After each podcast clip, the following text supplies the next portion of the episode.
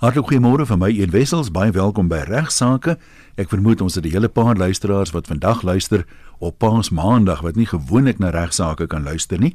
Baie welkom in ons stuk 'n baie spesiale Paasmaandag program vandag vir jou. Ek gaan 'n klein smit ouer gewoonte by my, maar ons antwoord nie vandag luisteraars se vrae of praat oor hedendaagse hofsaake nie. Nee, Ian, goeiemôre luisteraars en op hierdie Paasmaandag kan ek julle groet soos die eerste Christene mekaar gegroet het op Paasondag uh, met die woorde die Here het waarlik opgestaan want dit is die woorde wat uh, regter Niels Klaasen ook gebruik in sy stuk wat hy vir ons geskryf het uh, oor Jesus se opstanding feit of fabel perspektief. Nou het jy al ooit gewonder wat sou gebeur as daar na Jesus se opstanding 'n hofsaak was waarin 'n hof hier in Suid-Afrika moes besluit het of hy inderdaad gesterf het en inderdaad weer opgestaan het al dan nie? Natuurlik glo Christene onvoorwaardelik maar is tog baie interessant om te weet wat 'n Suid-Afrikaanse hof sou sê as al die feite waarvan ons bewus was voor die hof gebring word en daar 'n regsuitspraak in 'n regte hof in Suid-Afrika gegee moes word. Regter Niels Klaasen het 'n uitstekende diktaat geskryf waarin hy presies hierdie vraag probeer beantwoord.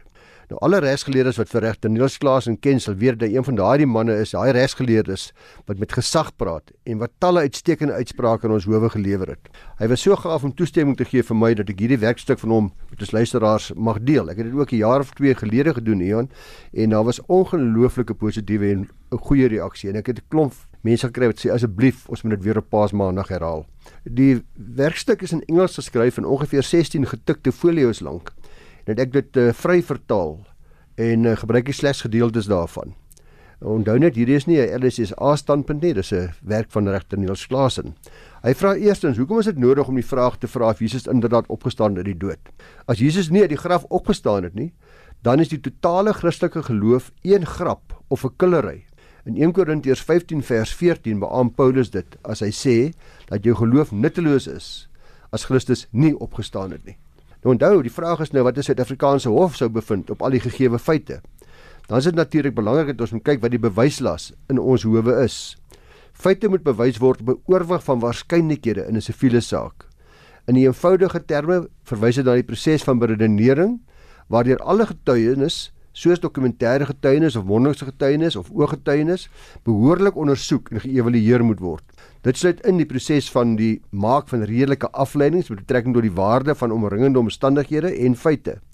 Daarna word dan deur die regter beoordeel of die betrokke feit bewys is omdat die oorwig van waarskynlikhede oorhel ten gunste van hierdie feit. Ek self verduidelik dit altyd deur te verwys na die bekende weegskaal van geregtigheid wat mens die prentjie van sien. Die vraag is of die skaal oorhel na die een of ander kant toe. Dit wil sê of dit wat 'n regter hoor om oortuig dat die feit meer waarskynlik is as onwaarskynlik. In Suid-Afrikaanse reg byvoorbeeld kan die dood van 'n persoon bewys word deur dokumentêre bewys soos 'n doodsertifikaat of mondelike getuienis van 'n ooggetuie. Indien daar egter nie 'n doodsertifikaat is nie en ook nie 'n ooggetuie is nie, kan die dood bewys word deur omstandigheidsgetuienis. In sulke omstandighede sal die dood bewys moet word op 'n oorwig van waarskynlikhede. My eie voorbeeld, iemand het in die see gaan swem, nooit weer teruggekeer nie lijk is nooit gevind nie, maar die skoen is gevind op die strand en vir 'n lang tyd is daar niks weer gehoor nie. Hier is nou 'n duidelike vermoede van dood en op 'n oorlog van waarskynlikhede 'n bevinding dat die persoon verdrink het. Van 'n regsperspektief in Suid-Afrikaanse hof is die vraag dus of die dood en opstanding van Jesus Christus op 'n oorlog van waarskynlikhede bewys is as al die beskikbare getuienis geanaliseer word en opgeweeg word. Eerstens word daar verwys na getuienis van bronne buite die Bybel. Ek dink hierdie bewyse wat regter Klaasen aandui is baie belangrik, veral omdat soveel mense van mening is dat die Bybel in elk geval nie die alfa en die omega is nie. Daar word verwys na Tacitus, 'n Romeinse historikus wat geleef het in die periode 55 tot 117 na Christus. Hy was 'n anti-kris, maar hy skryf as volg: Vrylik vertaal sê hy, Jesus Christus was gedood deur Pontius Pilatus, maar hierdie geloof wat onderdruk was vir 'n lang tyd, het weer kop uitgesteek nie slegs in Judea nie, daar waar al die probleme ontstaan het nie, maar ook in die stad Rome. Wat bewys hierdie stelling van Tacitus? Belangrik is dat volgens hom met Jesus Christus inderdaad dus gelewe en gesterf. Hy was dus nie bloot in 'n koma en weggeneem deur disippels soos sommige kritici mag graag glo nie of hulle heus moet glo nie. Dit bewys ook dat hierdie anti-kris geglo het dat Pontius Pilatus inderdaad vir Jesus Christus tot die dood veroordeel het, want dis wat hy sê. Die diktaat verwys ook na die Siriëse filosoof wat in die tronk geskryf het na 70 na Christus, naamlik Mara Barsarifon. Hy vra die vraag: Watter voordele het die Jode verwerf deur die regstelling van hulle wyse koning Jesus? Hy sluit sy stuk af deur te sê dat hierdie wyse koning het nie vir altyd gesterf nie, maar het aanhou lewe deur die leerstellings wat hy nagelaat het. Wat bewys hierdie stelling? Onder andere dat dit algemeen was in daardie tyd dat die leerstellings van Jesus Christus soos vervat in die evangelies en ook wetgewing voortgeleef het lank na sy afsterwe. Dit bewys ook dat hierdie filosoof geweet het dat Jesus reggestel is en inderdaad gesterf het. 'n Interessante verwysing is dan ook na die Babiloniese Talmud.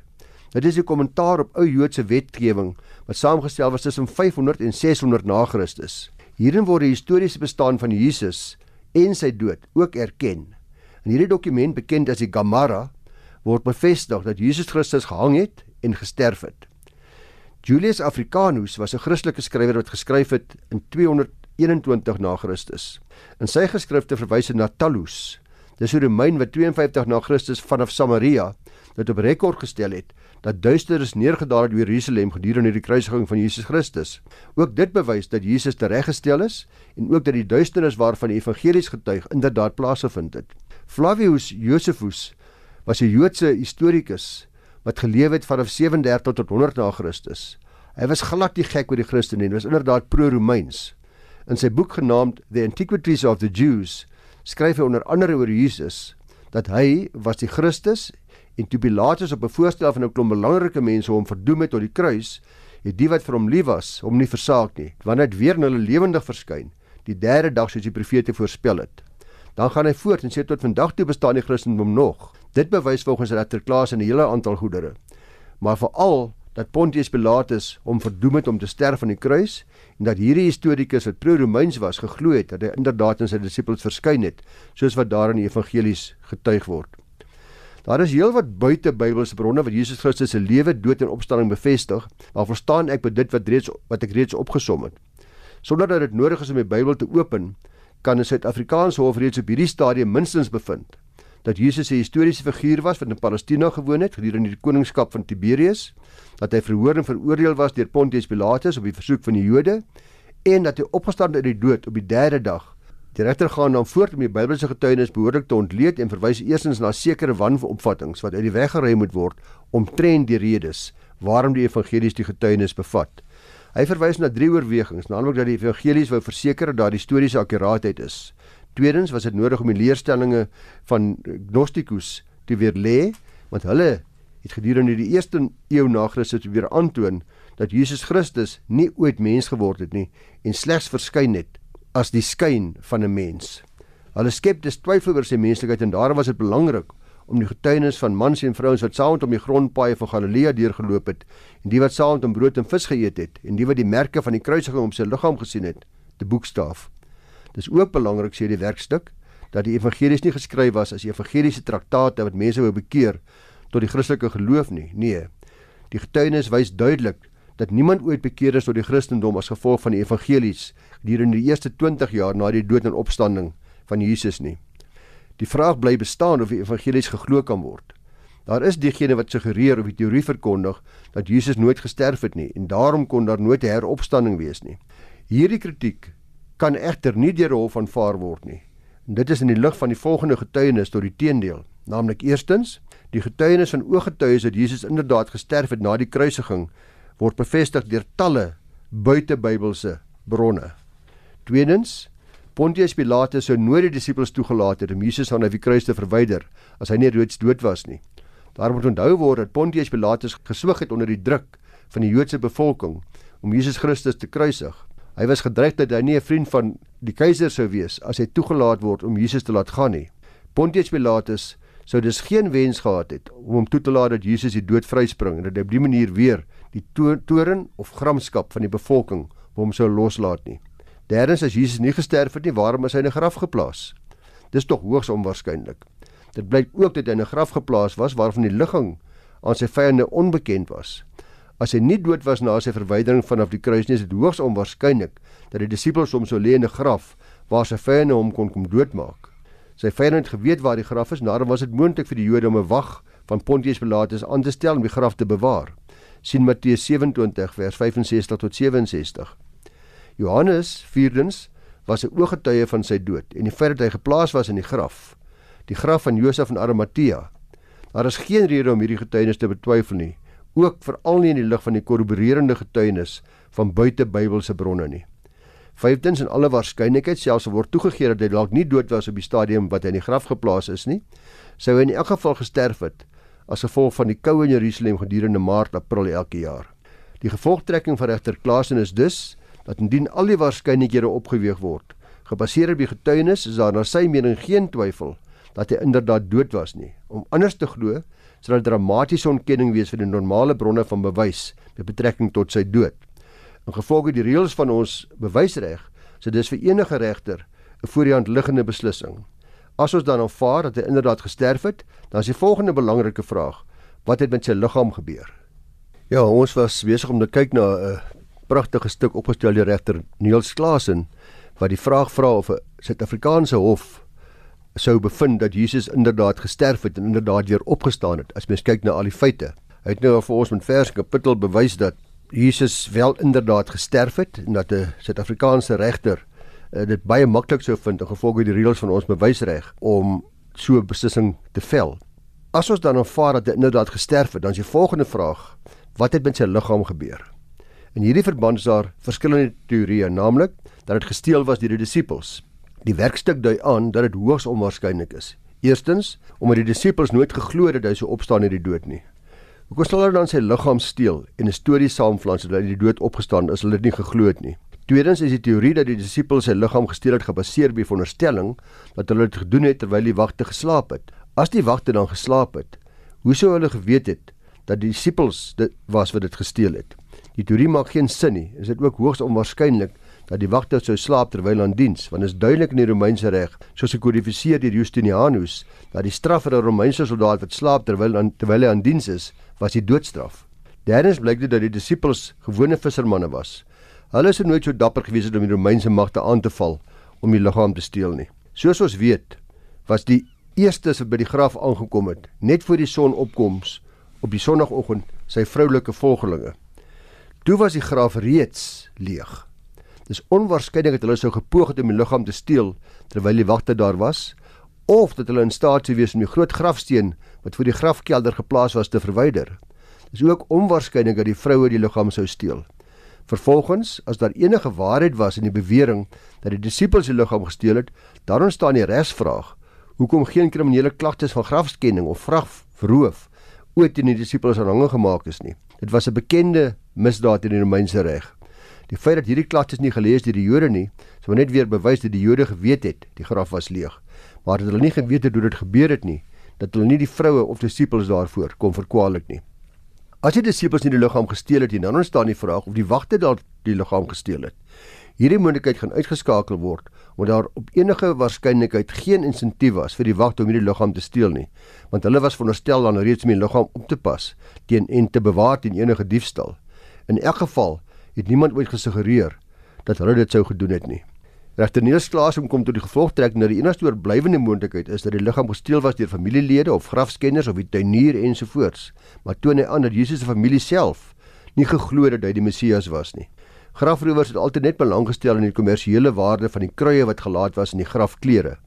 Hulle sou die grafklere gesteel het, maar is dit agtergelaat in die leë graf. Tweedens sou enige rowers nie maklik daarin kon slaag om die liggaam te steel terwyl daar wagte was nie. Selfs as sou hulle slaag, sou dit geen sin maak nie hulle net doodeenvoudig niks met die liggaam kon doen sonder die grafklere wat agtergelaat was nie.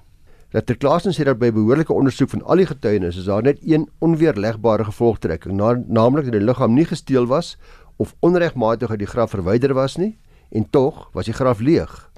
Na sy mening is daar 'n oorweldigende oorwag van waarskynlikheid en na analisering van al die getuienis net een afleiding te maak, naamlik dat hy het inderdaad opgestaan uit die dood soos wat hy geprofeteer het en dat hy daarna aan sy disippels verskyn het soos dit ook getuig is in Bybelse en buitebybelse bronne en ook geboekstaaf in die evangelies. Met betrekking tot sy verskynings na sy opstanding was Maria Magdalena die eerste een om Jesus te sien.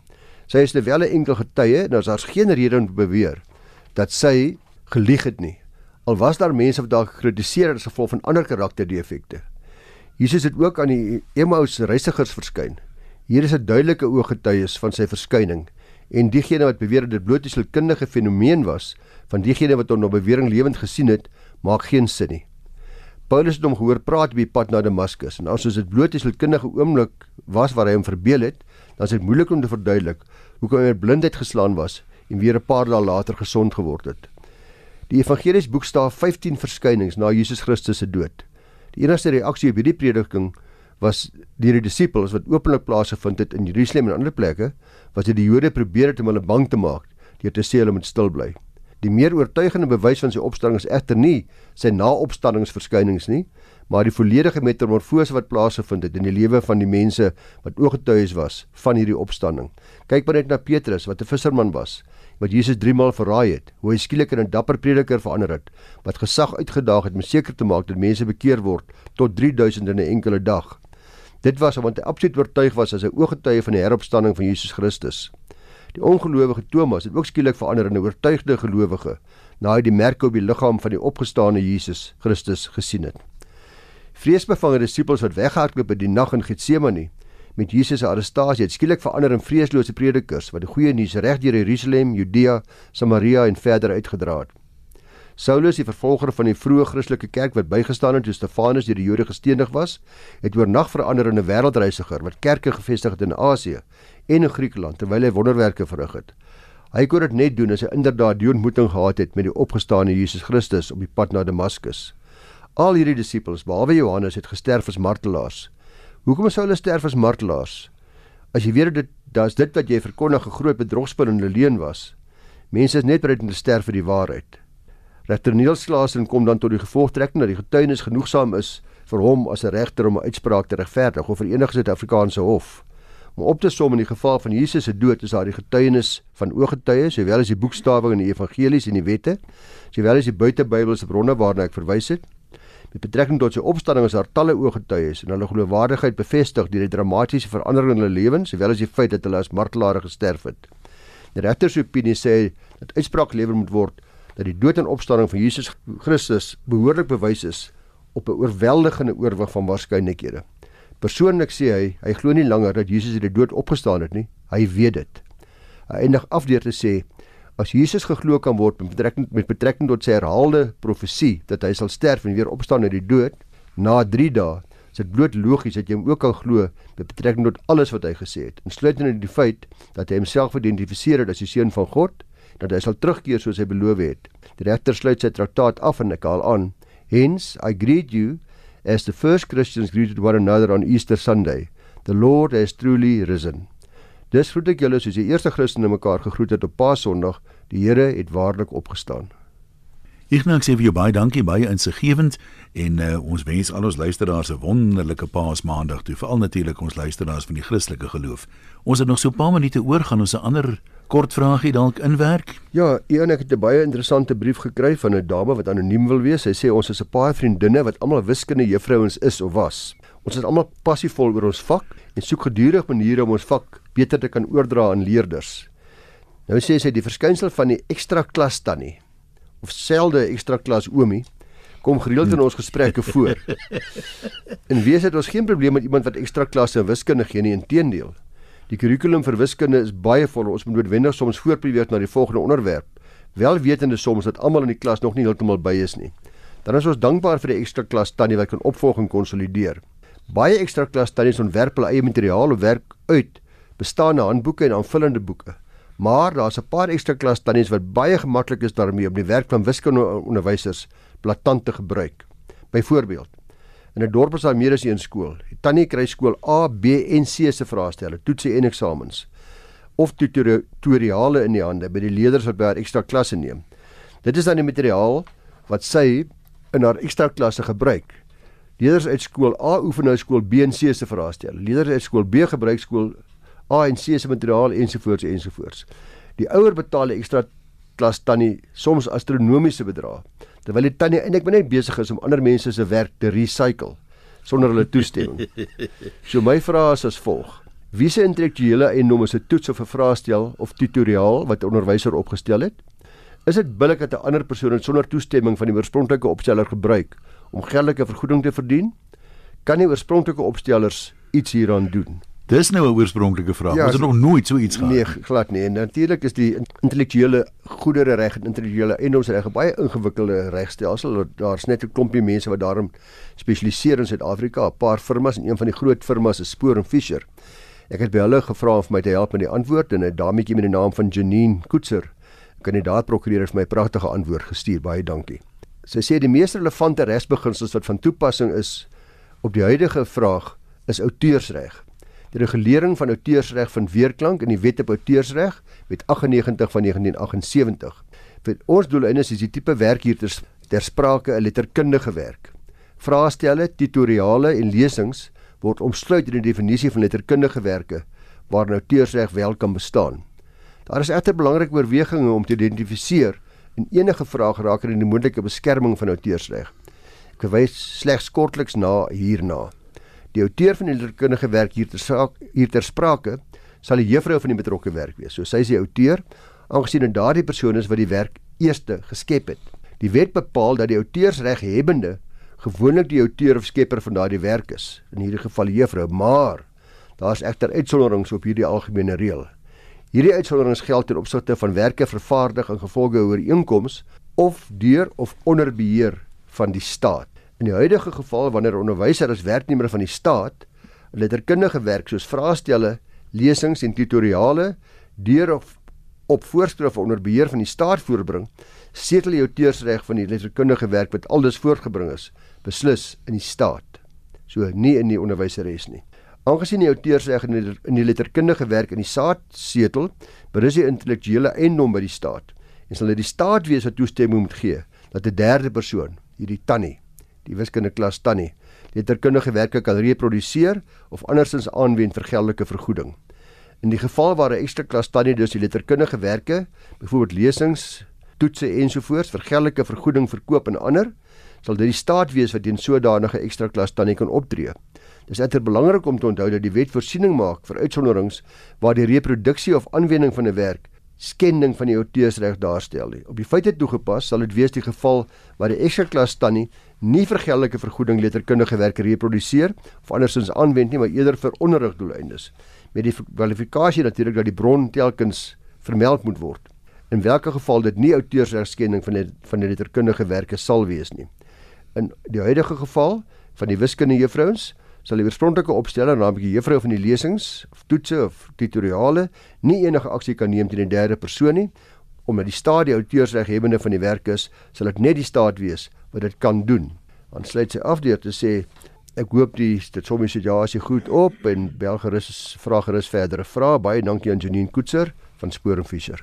Dit kan natuurlik gebeur dat as jy 'n ekstra wiskunde klasse gee en jy gee nou vir jou kinders se oefeninge, wiskunde probleme om uit te werk, dat die probleem wesentlik dieselfde kan wees as wat iewers in 'n vraestel voorgekom het, net soos wat ek meen as jy nou 'n regseksamen skryf. Verskillende universiteite vra wesentlik dieselfde vraag: Wat moet jy bewys byvoorbeeld om diefstal te kan bewys? Ja. Dan eh, is hierdie goed nie regtig van toepassing nie. Ons praat nie hiervan as jy daai vraestel vat en jy gebruik hom net so. Ja, jy's 100% reg dink ek. Jan, die ander ding wat vir my opgeval het van die vraesteller is uh, ek vra vir myself af, is dit nie maak dit nou regtig saak of my goed gebruik word want is my doel net eintlik om die kind net die beste moontlike onderrig te gee nie? Of is dit nou 'n kwessie van uh, professionele jaloesie? My klas moet beter vaar as klas B en C se klasse of uh, ek is nie seker wat werklik die probleem hier is nie. Dis ook maar menslik aan die een kant as weet jy ploeg nou met my kalwers dit mense al voel jy voel bietjie misbruik waarskynlik maar ek meen ek hoor presies wat jy sê. dat die leerdlinge word verbeter ja. en hulle word op uh, word beter geleer in die proses maar nou ja dit is so natuurlik om net 'n bietjie verder te gaan as wat Janine geantwoord het, die kans dat die staat ooit stappels neem en so hierdie spesifieke omstandighede is net mooi nul. Ja. Nee, ek dink as jy so daarna kyk, kom ons sê as gevolg van die ekstra klasse, vaar die juffrou se leerders beter in die eksamen. Kry sy tog krediet as 'n goeie onderwyseres daarvoor ook. Ja, maar Almal gaan nie sê dis net oor daai ekstra klasse wat jy ook wat niemand gedop het. Of kon ons sê kom ons sê nou dieselfde wiskunde juffrou was die ekstra klas tannie wat nie vir die staat gewerk het nie, maar in haar eie tyd uh baie goeie werk gedoen het, stukke opgestel het en toetse en vraestelle en vrae en antwoorde uitgewerk het, dan sal iemand anders dit maar gebruik nie. Dan sê die outeursregte op ja. en iemand sal dit net kan gebruik met haar toestemming of teen vergoeding. Ek nou baie dankie. Lekker uh, Paasmaandag vir jou verder. Onthou jy kan jou vrae vir toekomstige bespreking op regsaake direk vir Ignas stuur. Ignas by ffd.co.za.